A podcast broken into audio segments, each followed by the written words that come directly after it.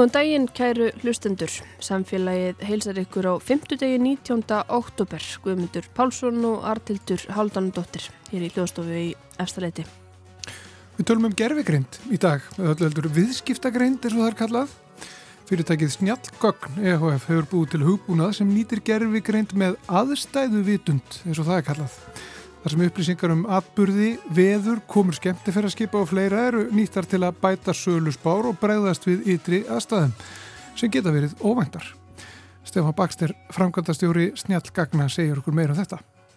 Svo er það lofslagsmálinn áfram. Guðlugur Þór Þórðarsson umhverfisráðara telur að lausnana við lofslagsvandanum sé að einhverju leita leita í fortíðinni. Við fengum hans viðbröð við skýrslu vísindanemndar um áhrif lofslagsbreytinga á Íslandi sem á komið til gær og ræðumetni við Ölmu Möller landlækni um viðbröð heilbriðiskerfisins.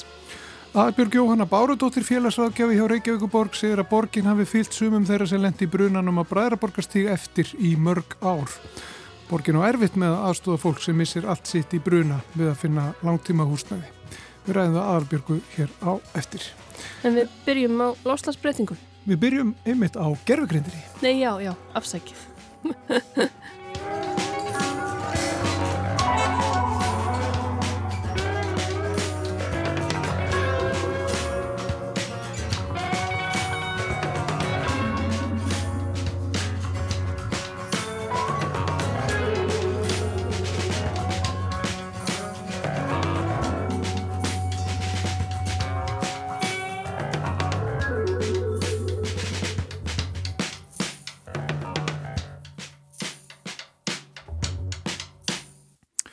Hálfsestur hjá okkur. Stefán Bakster, hann er framkvæmtastjóri Snjallgagna. Þú er velkomin til okkar. Takk hella, gaman að sjá okkur Og þið uh, hafið útbúið um, hugbúnað eða hvað kallum við þetta? Þið kallum þetta vöru en, en þetta er hugbúnaður, ekki satt? Þetta er hugbúnað löst sem að gerir fyrirtækjum auðvelt að nýta sér gerfugrein með sem bestum hætti til að bæta rekstur, sölu og þjónustu. Já og er afrakstur um, fjárárstars tæplega eh, þar sem við höfum verið að skoða hvaða áhrif það hefur þegar að svona kerfi eh, hefur aðgangað ytri upplýsingum og ytri aðstæðum eins og þú taldur upp á það og e, stutt á útgáðinu svona. E, Gerðugrein skiptist í marga mismöndu hluti, e, flestir þekkir núna chat-GPT en það er til ótalarar útgáður á gerðugrein. Það er byrjað að nota uh, hana í ímsu formi til að bæta rekstur fyrirtækja, greina gögn og greina uh, árangur. En allar þessar greiningar, uh, já, megin uppistæða þeirra hefur verið gerð án þess að skoða ytri aðstæður. Þú ert kannski átt, átt lítið fyrirtæki, þú ert að selja matvöru, einn af þeim sem við höfum verið að vinna með er stór matvörukeði á Íslandi og þeir langar að, að skilja hérna, hver eftirspurnin verður eftir ákveðinu vöru á morgun. Ef við tökum bara það dæmi. Að þá er gott að vita hvaða föstu frítagar eru. Það er auðvelt. Það er gott ennþá betra að vita hvaða færanlegu frítagar eru. Aðeins erfiðara en þegar kemur inn, þú veist, hvenar er Eurovision, hvenar er Liverpool að keppa við United, hérna, þú veist, hvernig er veðrið og allir þessi hlutir sem að hafa áhrif á eftirspörn. Eh, ef þú getur tekið þá með í reikningin, þá kemur í ljós að skilningun og viðfóngsefninu ekst, spá geta spálíkana, stór batnar og í raun og veru getur farið að hérna, horfa á spálíkun og byrjað að, að vinna eftir þeim. Þau eru ekki lengur bara einhver svona hérna, áhugaverð tala sem að, hérna, heldur er orðið nákvæmnir og daga og þá getur þau byrjað að manna eftir þeim. Þú getur byrjað að kaupa vöru eftir þeim og, og í raun og bætt svo marga hluti í rekstrinum þegar þessi ytri aðstöðu vitund bætist við. Þetta er rosalega tæknilegt viðfáðsefni. Mm. Þannig að við skulum byrja á að, að setja þetta aðeins í mannlegt samingi. E, flestir fóreldrar kannast við að hafa farið með börnin sín á íþróttamót í eitthvað lítið bæjarfélag. Tökum bara vestmanniðar þó að það sé alls ekki það er, svo, það er svo margir sem þekkja það að fara til eiga á, á fókbaltamót og það er spáð góðu veðri. Þú ferði í næstu kjörbúð ætlar að kaupa þér grillkjött og það er bara ekki til. Og það, þú ert á fyrsta degi á íþróttamótinu og það er bara, það er allt búið. Eins og enginn hefði séða fyrir að þetta myndi gerast. Þetta er íkt dæmi og þú veit, er þetta ekki alltaf svona bara svo, þú veist, við erum bara teknum bákuna mynd um, aðstæðu vitundin veit bæði hvernig veðrið er veit að það er stort íþróttamót veit hvernig salan var í fyrra í kringum þetta íþróttamót þó það hafi færst til í tíma og getur varað við eða láti vita að nú sé rétt að endur skoða þetta. Þetta snýst ekki bara um það að varan sé til sem þú ferði í búðunum til að kaupa, heldur er, ef við varpum þessu hérna og skoðum hínarliðin á þessu, þá vitið þið það kannski ekki en kvíturfiskur er svo vara sem er hent mest af. Hún úreldist hratt, hún hefur stuttan hillutíma. Þegar þið farið að kaupið þorsk og ísu eða, eða svona viðkvæma vöru út í búð, þá er það ekki bara að borga fyrir fiskin sem þið takir með ykkur því að borga fyrir fiskin sem er hend og ef þið vitið hver eftirspurnin verður og getið stilt af innkaupin já þá eru við bæði að hjálpa fólki að fá það sem það vill þegar það vill það en á hinbóin erum við að passa upp á að það far ekki tímanæmar vörur, far ekki til spillis mm. og okkur finnst ótrúlega áhugavert. Ég er náttúrulega gagna norður og vil bara byggast afsökunar því ef mér tekst ekki að halda þessu á, á skiljilegum nótum því gefur mér það bara ítla augað. En, en hérna, það kemur bara í ljós að það er engi, ekkert form af, af gerfegreind og viðskiptagreind sem er nátengt núna eða er að verða nátengt sem batnar ekki við að skilja ytri aðstæður. Að því að í grunninn þá hafa flest fyrirtæki þegar að reyna að skilja reksturinn sinn hafa því verið að horfa á innri upplýsingar senasta ár, eitthvað sem þau gefa sér sem er pingulítið eins og að reyna að skilja umheiminn með því að horfa sjálfan sig í spekli mm -hmm. gengur náttúrulega ekki upp og, og, hérna, og þetta ferðala okkar byrjaði í raun og veru á því að uh, við fengum úr tæknið þrjóðansjóði frá ranni styrk til þess að búa til svona upplýsingaveitu upplýsingaveitu um ytri aðstæður Nú erum við að tala um gengi gjaldmila, við erum að tala um atvinnuleysi og alls konar hluti sem að bara hérna, hafa áhrif. Ekki bara veður og, og, og skemmtifærðarskip eða eitthvað svoleiðis.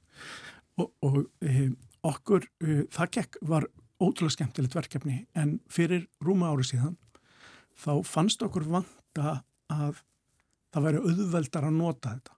Það væri auðveldar að koma sér notkun fyrir fyrirtæki, það væri auðveldar að koma sér nær um, raunverulegum vandamálum og einhver aðkallandi. Þannig að við tökum þessa gagnaþjónustu sem við vorum búin að búa til og byrjum að smíða uh, þessa hugbúinalust sem við kallum context suite. Uh, kontekst er það sem við hérna, erum að búa til. Það eru margir sem segja og, og, og uh, hérna að kon kontekstið, samhengið er kongur. Ef þú færð ekki upplýsingar í neinu samhengi þá segja þær þér ekki margt. Og það kannast allir við að lappa inn í samræður þar sem að fólk er að tala saman. Þú veist ekki í hvaða samengi það er. Og þetta er á mörguleiti svipað. Við erum að kom, passa upp á það að fullt samhengi sé alltaf til staðar. Mm. og e, kom, erum í raun og veru til að tengja þetta örstuðt við gerfigreindina til viðbútar að gerfigreind er hópur mismundu lausna, ekki bara GPT e, spálíkön og, og atbyrðagreining og alls konar hlutir sem falla þar undir. Og við höfum fundið það að þetta batnar allt saman þegar að betri samingisupplýsingar eru til staðar. Já. og það er þessi aðstæðu vitund finnst ykkur aðstæðu vitund ekki fallett íslenskt? Það er mjög gott. Jú, það er mjög gagsett sko. Fallett nýjari En hvernig veit aðstæðu vitundin eins og þú sagðir, hún veit að það er uh, spáð svona veri hún veit að það er uh, hvernig var kvall eins og stendur til segjum, sem að uh, getur verið eitthvað sem að væri hægt að bregðast við ykkur sammyggi hún veit að það er Eurovision. Hvernig veitum þetta? Já, e, þetta eru upplýsingar sem við höfum verið að taka saman. Og stuttasværi er hún veit þetta bara alls ekki alltaf. E, skemmtilegasta dæmi sem við lendum í til dæmis var að, að spálíkan til að spá fyrir um sölu e, e, í okkar tilfelli orðið afskaplega nákvæmt. En það var einn dagur sem bara var afskaplega, hann var alls ekki nákvæmur og við skildum ekki alveg hvað, hvað það var sem vantaði. Þú veist, við erum búin að taka íþróttamótin og bæjarháttiðnar og, þú veist, Eurovisionið og, og hérna, þú veist, meistardeldina og allt þetta. Og svo bara er 15. februar starrað ná okkur eins og við séum villisingar. Og, og hérna, og er bara ótrúlega rángur. Og hérna, ég, ég, það er ekkert gaman fyrir mig að játa það, en ég, ég, vissi ekkert hvað var í gangi. Þannig ég ringdi við inn bara eins og stundum gert. Og hann, það tók hann þrjár sekundur og segi já, er þetta dagurinn sem að hérna, eblingaverkvalli byrjaði. Kemur ljós og þá bara fer 20% þá er 20% meiri sala heldur hann á sambarilegum degi af því að fólk er að ná sér í auka mjölk í, í, í ískapin af því að það veit ekki hvað, hvað verkvallið hefur í formið sér. Þannig að stuttaútgáðun er aðstæðvitundin veitit ekkit alltaf. Og aðstæðvitundin sem þessi auka gögn sem við erum að ná í þau vita ekki per se hvað aukninga og kjúklingi mun aukast, skilur, það er ekki það sem er í gangi. Heldur við skoðum sölusöguna tilbaka og finnum hvernig salan var þegar aðstæðunar voru eins eða svipaðar. Skiljiðið mig. Mm -hmm. Þannig að við, við erum að, að hérna, í þessu tilfelli erum við að greina gögn, læra við hvaða aðstæður eitthvað mingar eða, eða, eikst og byggja framtíðarspána á því, skilur. Þannig að, e, en í grunninn er þetta bara gríðarlega mikið já, sumt af þessu bara sjúklega leiðilega handhafina.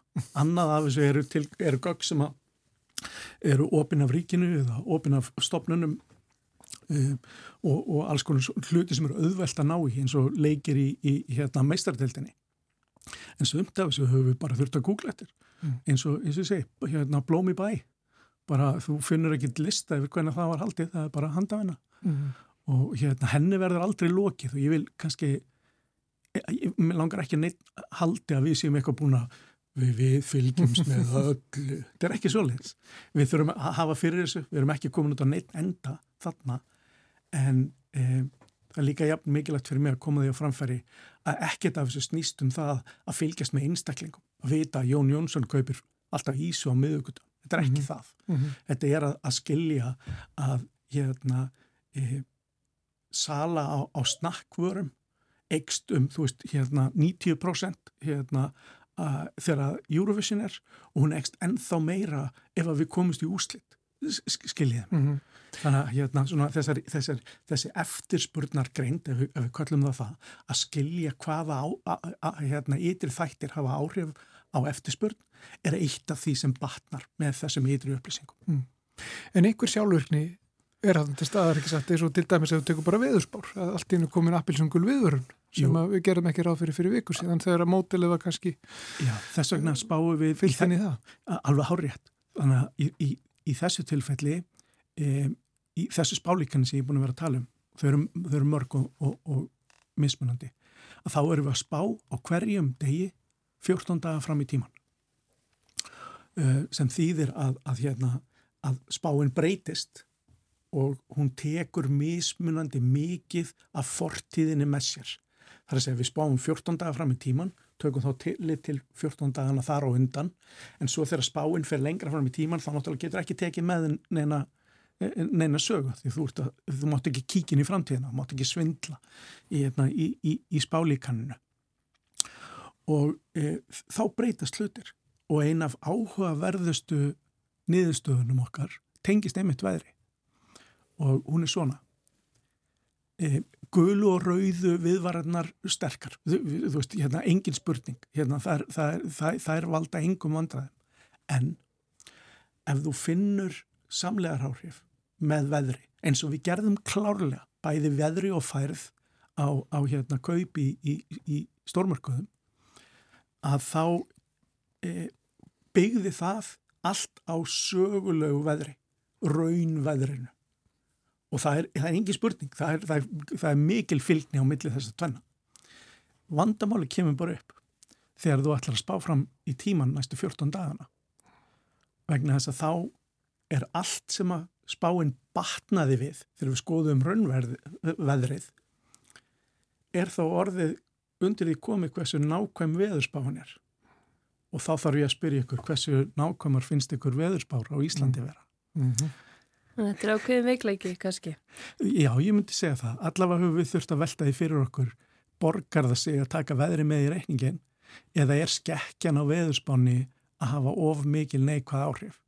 En, en aftur til að koma frábær spurning, ve veðrið hefur áhrif á margt, komur á, á hérna, bráðamóttökuna að einhverju leiti sem er haldaði fram að það segja minnu leiti heldur en fólk hefur uh, heldur en, en færð á vegum til dæmis og, og fólk að brjóta sig og þetta allt saman uh, virðist, virðist jafnast út en, en veðrið hefur áhrif á ótrúlega margt en það er alls ekki það eina.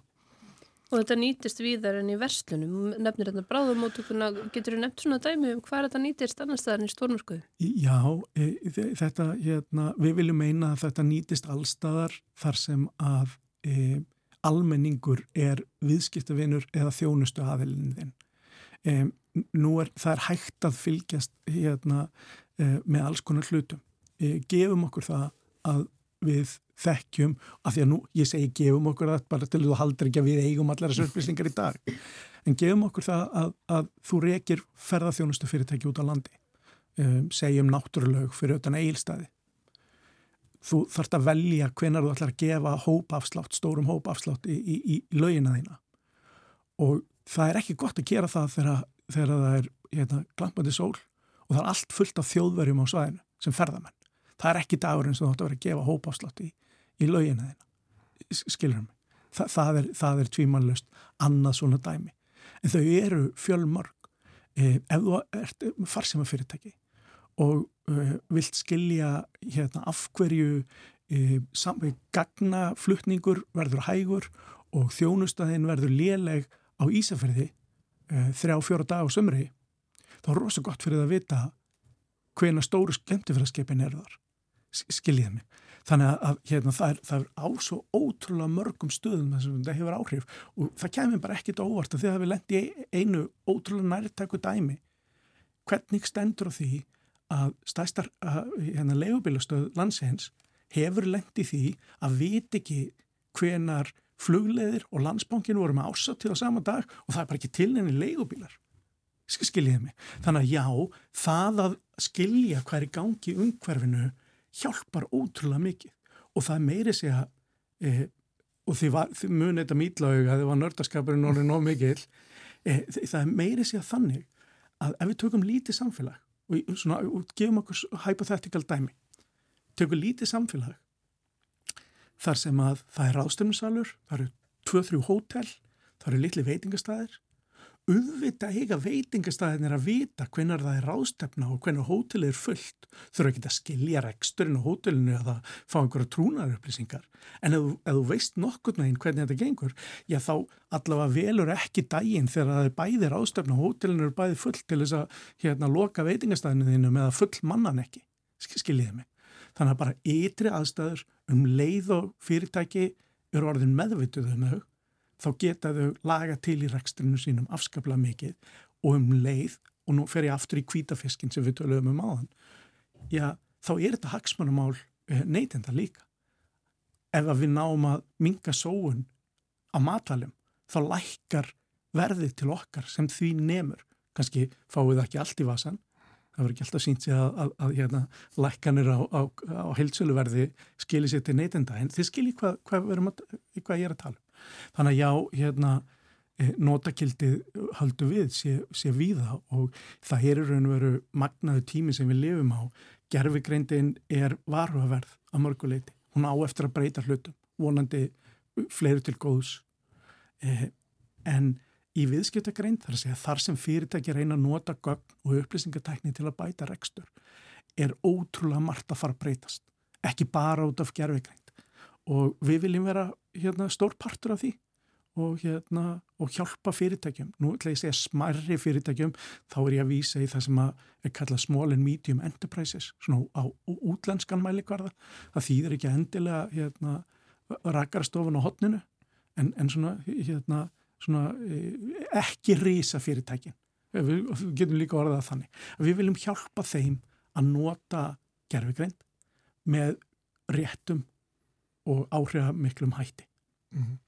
og þá kannski fær maður finnst, manni, eða, finnst mér allavega ég þurfa að bæta við oft á tíðum snýst það um að valdefla starfsfólk og gera það öflura í að taka góðar ákvarðanir frekar heldur en endilega fækka störfum þó að það verði auðvitað eitthvað um það líka.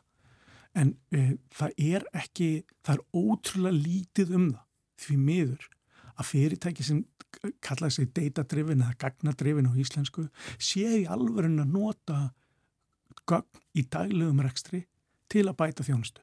Og þetta er svona nörda áhuga svið, sviði mitt þar sem hann bæði gögn, gerfugreind og rekstur koma saman þar finnst mér gaman að vera en þú veist það er stundum einmannlegt í því partí sko. En er þetta að fara að hafa áhrif á sko að því að sko, einmitt er svo Arnildur bent að þú nefndi bráðamáttökuna áðan er þetta að fara áhrif á svona ópera uh, þjónustu eins og eða svona almanna þjónustu sko, eins og spítalana eins og segjum bara slökkvilið segjum Já. Uh, hvað eina umferð þeir sem að þurfa að breyðast við aukinu umferð frambóða bílastæðum það er að halda svona áfram sko. Er, er, er þessi tækni að fara að breyta miklu þar? Ég, ég vil halda því fram, já og við skulum nefna nokkur dæmi. Um, þú pantaði tíma hjá sérfræðing. Það er langur byggtími hann er svona cirka 30% of langur af því að sérfræðingar þurfa að reikna með tímum fyrir alla sem að mæta ekki. Um leðu getur spáð fyrir um mætingu cirka, ekki nákvæmlega og ekki hver myndi ekki mæta þá getur, þá getur bókað fleiri þann dag til að fylla upp í mætingarleysið. Og um leiðu þú getur hérna, stitt þessa byggtíma og bætt þessa þjónustu að þá, þá sparast tími og peningar. Af því að í hvers geti sem einhver mætar ekki til, til sérfræðings þá ertu í raun og veru að lengja bygglistan um því sem þín nefnur af því að hann þarf að koma aftur og það er þarna ónýttur tími hjá sérfræðingi sem er ekki að taka á mótin einum skiljiði mig?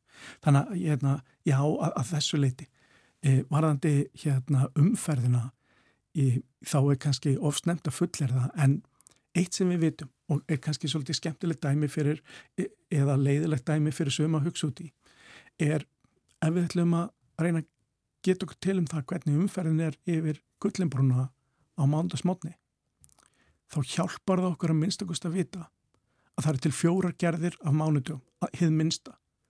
Það er vennilegu mánudagur. Þetta er ekki mánudagur. Þetta er auka frítagur um helgi. Þetta er, má blóta það já, já. þetta er helvitis mánudagur hvað er í anskotanum er að gerast? Já, skólanir eru að byrja, mánudagur. Og það er hérna sömarfrís mánudagur og ofan á þessar fjórar grundtýpur af mánudagum bætist síðan veður og færð og allir þessi þættir hafa áhrif á það hvernig umferðin verður því miður er það of flókið að ætla sér að breyta hegðun einstaklinga þannig að þeir hafi vitaði að leggja á mismöndi tímum og stað á mótnana en, en já, það verður að minnstakustu auðveldar að spá fyrir um þetta þegar þú skilur þetta ytra umhverfi mm -hmm. og, og þetta, þetta samhengi, þetta kontekst eh, bætir alla svona vinnu gríðala. Já, svo er þetta bæta við strætisvögnum líka ef umferðinir spáin er þannig. Já, hérna borgarlína to rescue, var þetta sáfartur ég til í það sko. En Stefán Bakstur, gafin að fá því heimsók til okkar, eh, þú er drangotastjóri Snjallgagna sem að hefur núna eh, búið til þessa já, viðskipta greint eh, aðstæðu vitund, eða hvað við kallum það. Takk kjærlega fyrir komin í samfélagi Takk kjærlega fyrir mig. Takk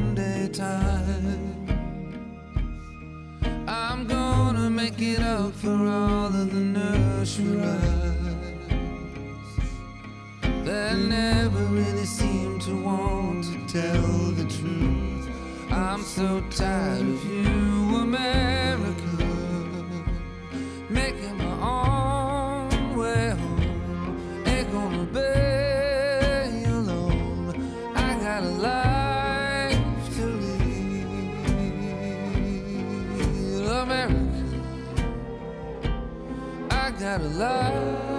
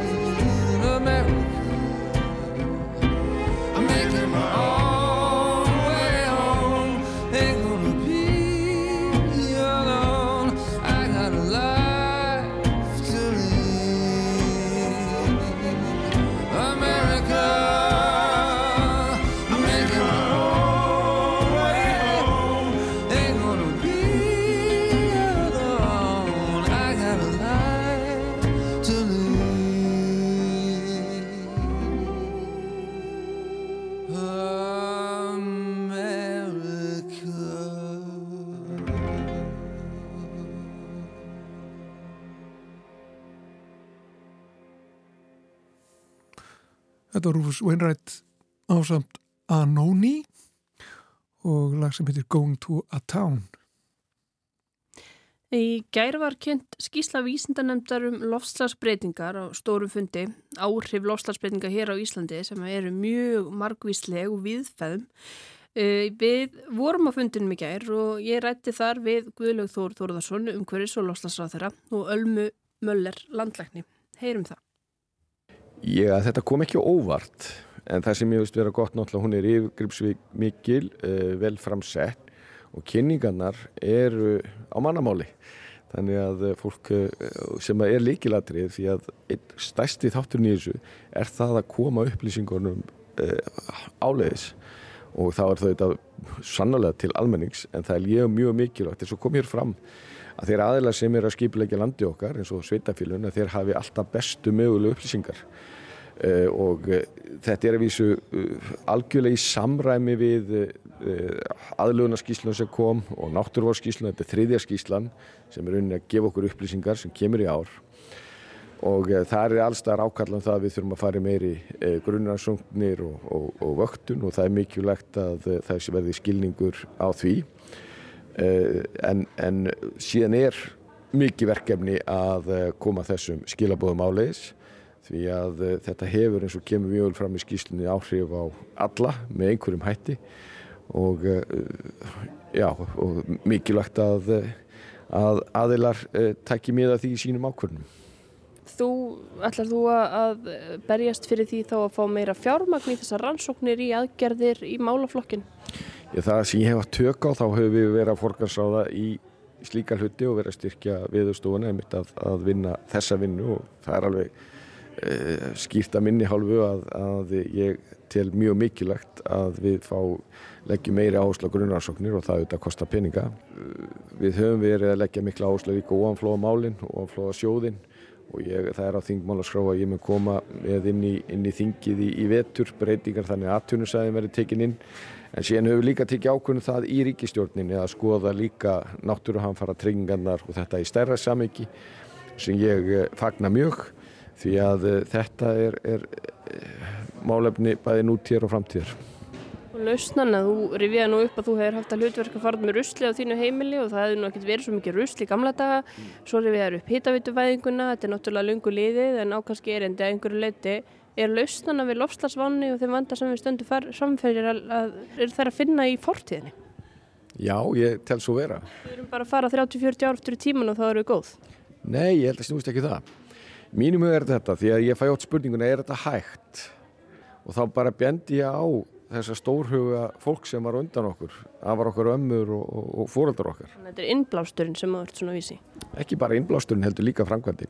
Fátæk þjóð fór að gera hluti sem ekki gerðir áður. Við vorum einn að eh, fara í hittavitavæðingu uh, og uh, þetta var gríðarlega erfitt og það svo sannarlega uh, var dýrt á þenn tíma en einn besta ef ekki besta langtíma fjárfesting sem við höfum gert Og nú ert þú í brunni, ertu með eitthvað sambærilegt af sambærilegum skala í bíkerð? Já, við erum fara, við erum bæði að fara í það sem við gert áður, við erum alltaf að leggja áherslu á það að við þurfum meiri græn orku, við erum að fara í, í jarðhita leitar áttak núna í fyrsta skipti í mjög langan tíma, en stóra verkefnið er aðgera állíðin loftlagsmálum og það er, það er ekki verk eins ráð þeirra einna ríkistjórnar, það er verk, það þurfa allir að koma því, þessna hefur við verið að vinna með fjölmörgum aðalum og þá sérstaklega aðtjónlífinu sem þurfa þetta framkvæmita til þess að koma fram með aðgerðir sem eru skýrar og mælanlegar og munu uh, skil okkur í mark. Það er svolítið langt í mark en, en uh, það var svona talað um það hér að samfélagið er betra ef að við færum í þessar aðgerðir. Það er náttúrulega að tala um mjög mikinn samdrátt í losun og það myndi hafa mjög stórtæk áhrif á okkar efnaðaskerfi. Ertu vissum að ef við virkilega förum í þessar aðgerðir að samfélagið og okkar staða verði betri? Aftur vitna í söguna.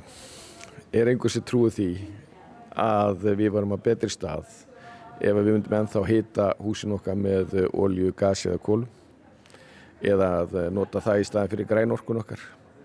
Svari er alltaf nei. Þetta var gríðarlega góð fjárfæstning og e, þá nákvæmlega því að tala um yngur losum þetta snýstum það að fara úr í okkar tilfelli bensin og dísel yfir í grænorku. Er það hægt ánnes að kalli yfir okkur efnaðarskreppi? Já, já, guðminn álmáttu. Það, það mun ekki valda nefni, efnaðarskreppu. Alls ekki, hins vegar er þetta eh, stór verkefni þegar kemur að... að Sem öllum geirum, öllum sviðum samfélagsins sem að þarf að draga lósun. Já, en það er, já, já, það er hins vegar sko...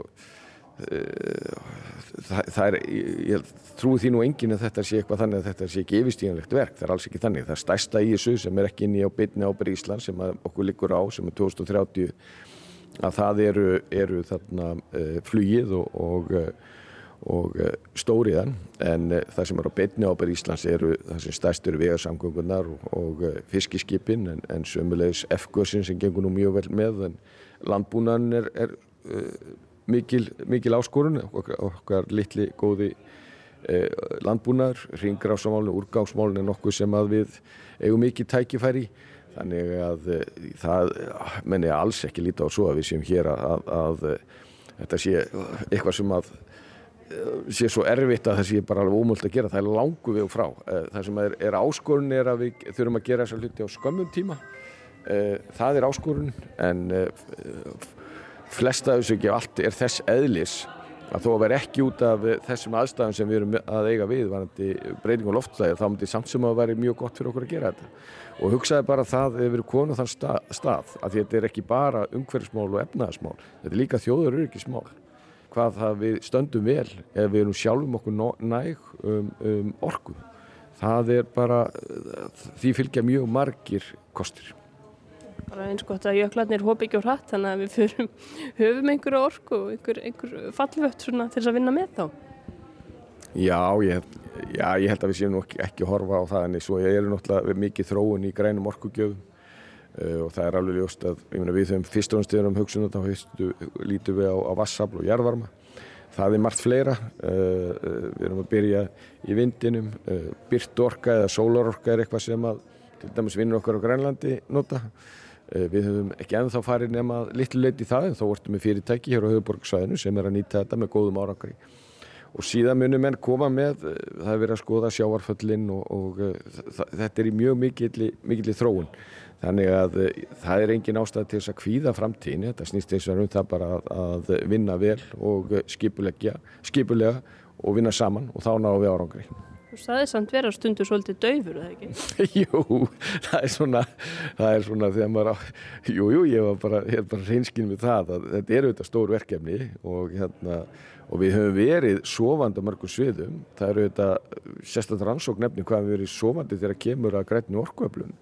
Við höfum vel lítið gert í, mjög lítið gert í 15 ári rafmagnu en í ofanálaga þá líka tveir þriðju hittafinnar sem horfa fram á miklar áskorunir uh, og þannig að uh, þannig að þegar maður lítur á það það kom mér mjög óvart í keminni inn í þetta ennbætti þannig en, en það þýðir ekkit að, að annað en að, að, að fara fram með, með björsin og stórhug, það er ekkit annað en annað í bóði.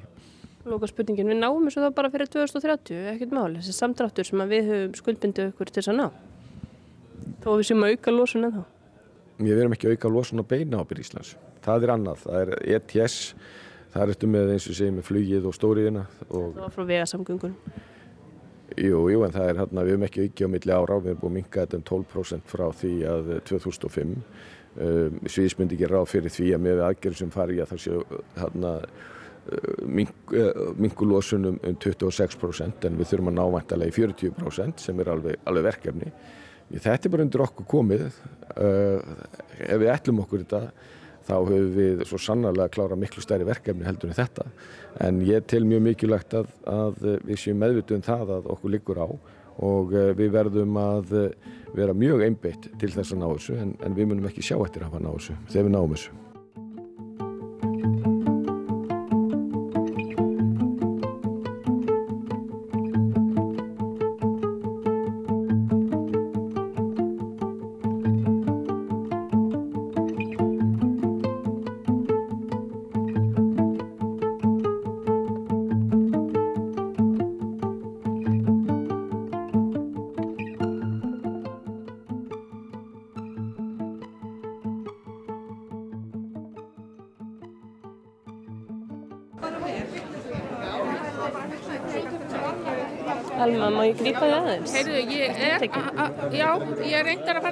Fara að félagin, en komdu, já, já, býtu.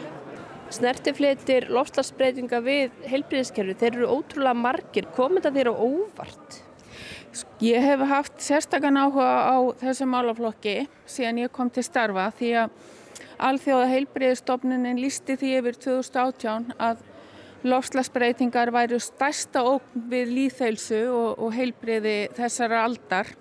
Þannig að ég hef svona reynd að fylgjast með en þetta eru vissulega mjög mikil áhrif sem að verða á heilsu og heilbriðiskerfi þarf auðvitað að bregðast við til samræmis.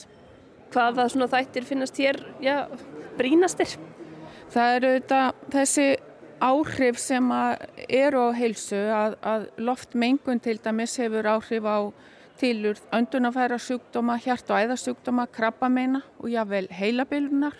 Við munum sjá breyta útbreyðslu smittsjúkdóma því að dreifing skordýra sem bera sjúkdóma verður með öðrum hætti og svo getur spilt vatnið þetta líka stuðlega smittsjúkdómum. Það hefur talsvött verið rætt um áhrif á geðheilsu eins og þennan lofslags kvíða, þunglindi og áfalla streyturöskun og svo eru þetta aðra þjóðir að berjast við hluti eins og bara áhrif hita á líkamann, áhrif fólksflutninga og svo framvegis og hér eru þetta sérstök, það er sérstaklega gætni með tillit til náttúru vár því að það eru þetta valla, það er hamfarir sem ekki snerta heilsu og, og heilbriðiskerfið með einhverjum hætti. Einmitt eins og spítalar geta orðið rammarslausir í, í náttúruhamförum. Já, það þarf að huga mjög mörgu og auðvitað er verið að gera mjög margt til að byggja upp heilbriðiskerfið. Það er verið að ebla mönnun, það er verið að e, endur skipilegja öldruna þjónustu, það er verið að styrkja innviði, e, styrkja heilsugessluna svo dæmi séu nefnd og þessu þurfum við þetta halda áfram en svo líka að reyna að, að áætla hvaða breytingar munum við sjá hér og bregðast við til samræmis.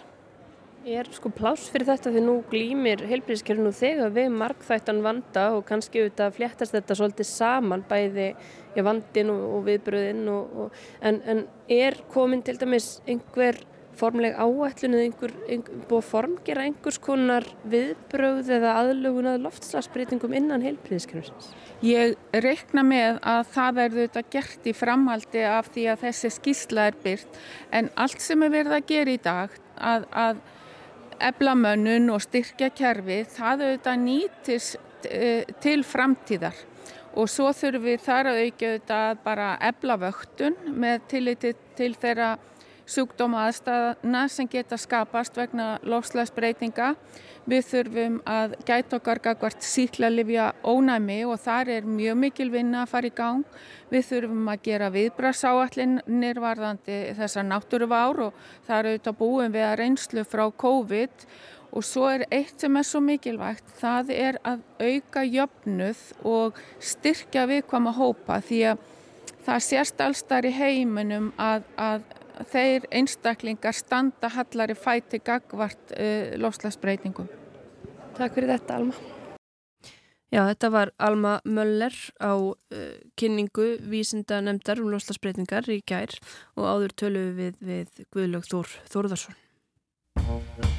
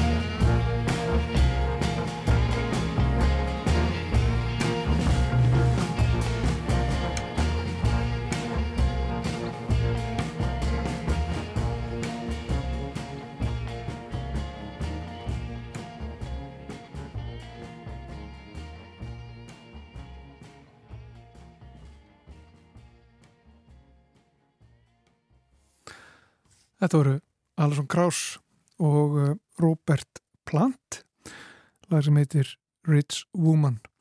Lag af plötunni Racing Sand sem kom út árið 2007, í oktober 2007, samstagsverkefni þeirra, Robert Plant og Alesson Krauss.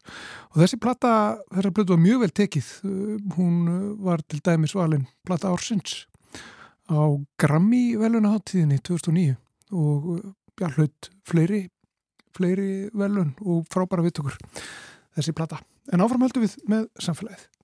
Eh, Það hafa orðið núna á þessu ári fjórir eða fimm eldsvoðar þar sem að kviknar í atvinnuhúsnæði þar sem að er búið og aðstæður hafa verið ólíkar í þessum tilvikum en oft þarf fólki sem lendir í þessu eh, þarf kannski einhvern stuðning og Rauðikrossin stiður ótt við fólk í svona fyrsta sólarhingin veitir sálvarnar stuðning og svo ef að þörf er á taka sveitafélaginu, félagsstjórnasta sveitafélagina við. Já, ég heiti Aðalbjörg Jóhanna Bárudóttir, félagsrákjafi á Vestumiðstöður Reykjavík og ég hérna hef komið að í gegnum tíðina nokkrum svona brunum um, þar sem að við hefum semst tekið við svolítið þessu hlutverki semst eftir að Rauðkrossi líku sínu að þá hefur borgin oft komið inn í uh, og veitt áframhaldandi þjónustu. Og það er sem sagt svoleiðis að hérna í sumum af þessum tilfellum að þá hefur vettvangs og ráðgjáteimi borgarinnar, vorteimi, komið sem sagt og veitt stuðning á vettvangi með rauðakrossunum ef að hérna um er að ræða sérstakar aðstæður og eh, sem sagt hóp, jáðarsettan hóp eh, heimilislausar með flóknar þarfir. Og vorteimið hefur þá oft sko tekið við að koma fólki fólki viðandi úrræði við hjá borginni höfum svo mismikið þetta eftir hverju tilviki fyrir sig farið inn í það að kortleggja hópin sem að býr í hvað, hverju húsnæði fyrir sig og stundum sko farið óhöpunar leiðir í að ná til þeirra sem að búa í þessu, þessum húsnæðum þar sem þessi brunar hafa orðið. Uh, Sjaldan er hægt að vera með lögheimli skráð þannig að við getum ekki stólað á þá leið til þess að finna íbúana og höfum alveg stundum þurft að vera frumleg í því. Getur þú líst því eitthvað, þeim leiðum? Já, við höfum auðvitað kannski fyrst og fremst reynd að fá lauruglu og, og sjúkraflutningamenn og, og hérna, slökkulið með okkur í það.